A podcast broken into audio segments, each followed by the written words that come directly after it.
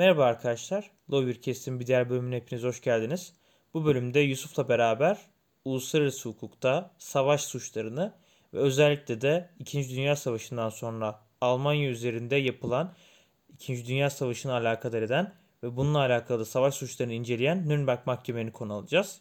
Bu bağlamda da 2. Dünya Savaşı öncesi Nazi Almanya'sında hukuka ve anayasaya aykırı olan özellikle de uluslararası hukuka aykırı hamleleri değerlendirmeye çalışacağız.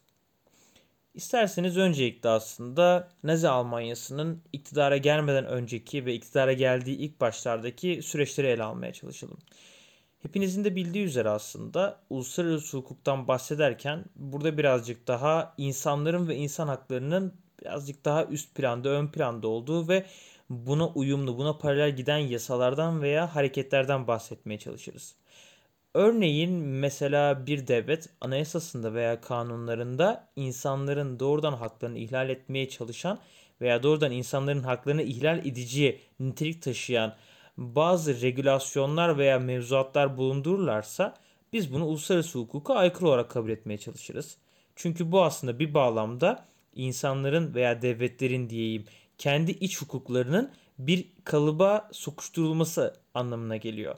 Peki bu kalıp iyi bir şey mi? Bizce belli başlı noktalarda artık özellikle bunca birikimin ardından iyi bir şey olduğunu kabul etmeye başlıyoruz.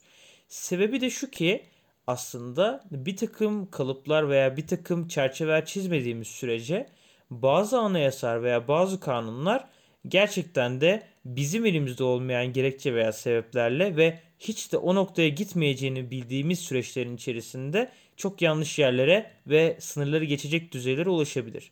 Bunun en temel ve güzel örneklerinden bir tanesi de aslında hatta ironik örneklerinden bir tanesi demek gerekirse Nazi Almanyası.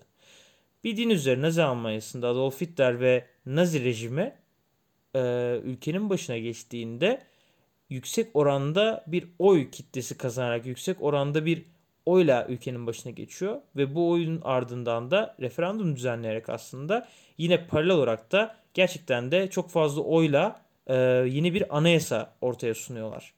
Peki bu anayasayla beraber aslında insan hakları dediğimiz şeyler ihlal ediliyor mu?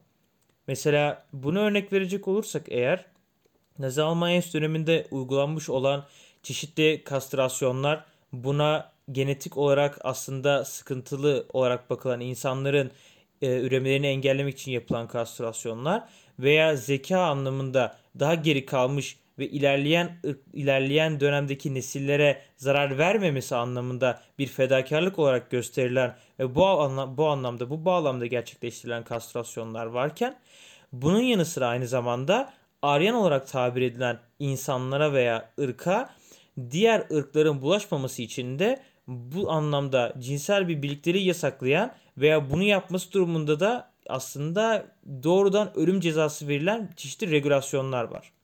Bu bizim ilk başta anlattığımız gibi aslında anayasaya uygun bir biçimde düzenlense de uluslararası anlamda gerçekten de çok büyük sıkıntılara sebebiyet veriyor. Peki Yusuf sen bu konuda ne düşünüyorsun? Sence bu gibi mevzuatlar, bu gibi değişiklikler gerçekten bir iç hukuka bırakılmalı mı yoksa uluslararası hukuk bağlamında bir kalıba sokulmalı mı? Senin de dediğin gibi Nasyonel Sosyalist Parti'nin aslında yaptığı regülasyonlar, düzenlemeler şu an bizim kabul ettiğimiz uluslararası hukuk anlamında, temel insan hakları anlamında kesinlikle kabul edilemeyecek düzenlemeler. Ama dönemine göre incelediğimizde aslında bu kadar güçlü bir uluslararası hukuk kavramı olmadığını görüyoruz. Zaten aslında uluslararası hukuk dediğimiz şey 2. Dünya Savaşı'ndan sonra kendine yer etmeye başlıyor. 1960'larda asıl şeklini almaya başlıyor bir yerde. Birleşmiş Milletler'in de güçlenmiş olmasıyla artık 60'lardan itibaren. Bu açıdan incelediğimizde uluslararası hukuk evet belki o zamanlarda e, dediğimiz gibi çok güçlü olmayabilir ama aslında uluslararası hukuk kavramı olmasa bile temel insan güdüleri, normlar yani aslında ahlaki normlar bunun karşısında olması gerekiyor. Mesela Nasyonel Sosyalist Parti Almanya'da ilk e, seçildiğinde ve dediğin gibi çok da güçlü seçilmişlerdi. Çok güçlü olarak iktidara gelmişlerdi.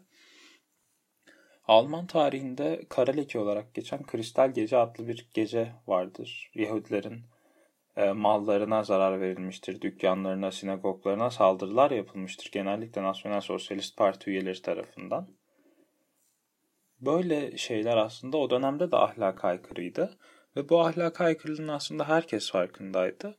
Ama işte dediğimiz gibi dönemin şartlarından dolayı belki de ülkeler arası etkileşimin azlığı, Birleşmiş Milletler gibi bir e, üst kurumun olmaması o dönemde bütün devletlerden tepki olarak hani her zaman da bahsedilir gazetelerde bile çok fazla yer almaz bu tip olaylar. Kristal Gece mesela çok az devletin gazetelerinde yer almıştır. Ama devletler buna rağmen bir tepki geliştirememiştir. Hatta Amerika'daki Yahudiler, Yahudiler işte baya bir e, Amerikan devletine Almanya'ya bir baskı yapması için, Almanya üzerinde bir etki, etki yaratması için zorlamaya çalışmışlardır. Ama o zamanlarda devletlerin iç hukuku ve devletlerin iç egemenliği şu an günümüzde kabul ettiğimize göre çok daha üstün kabul edildiği için o dönemlerde bir aksiyon alınamamıştır ve zaten ondan sonra da 2. Dünya Savaşı'na kadar olan süreçte çoğumuzun bildiği şeyler yaşandı ve bunlara da biz şu an savaş suçları diyoruz aslında.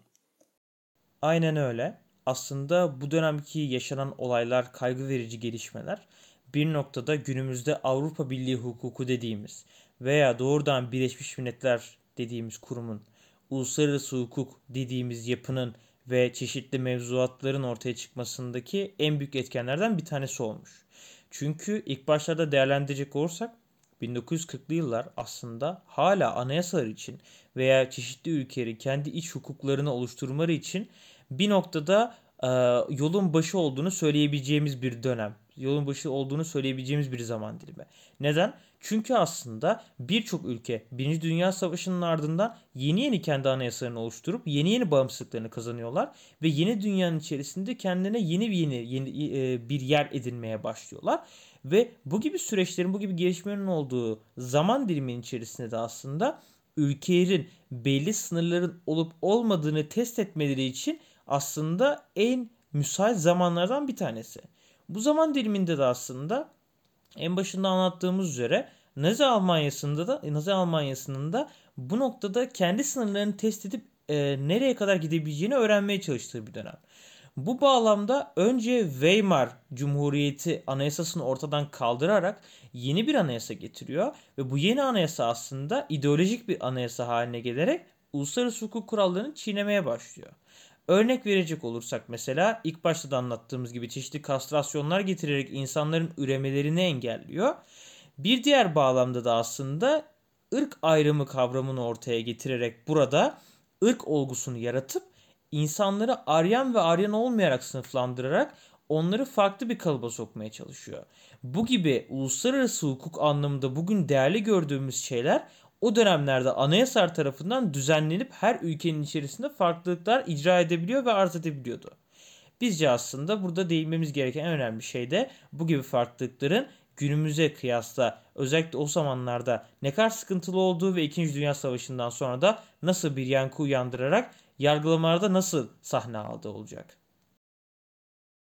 Bu bölümümüzde Nazi Nasyonal Sosyalist Parti'nin yaptığı regülasyonlar ve aslında bugün kutsal olarak gördüğümüz temel hak ve hürriyetlerin korunmasına dair uluslararası hukukta nasıl bir etki yarattığını konuştuk.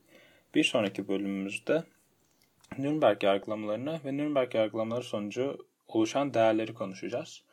Bu bölümlük bu kadar. Bizlere DM üzerinden ulaşıp bu konu hakkındaki fikirlerinizi iletebilirsiniz. Hepinize iyi günler diliyoruz. Müzik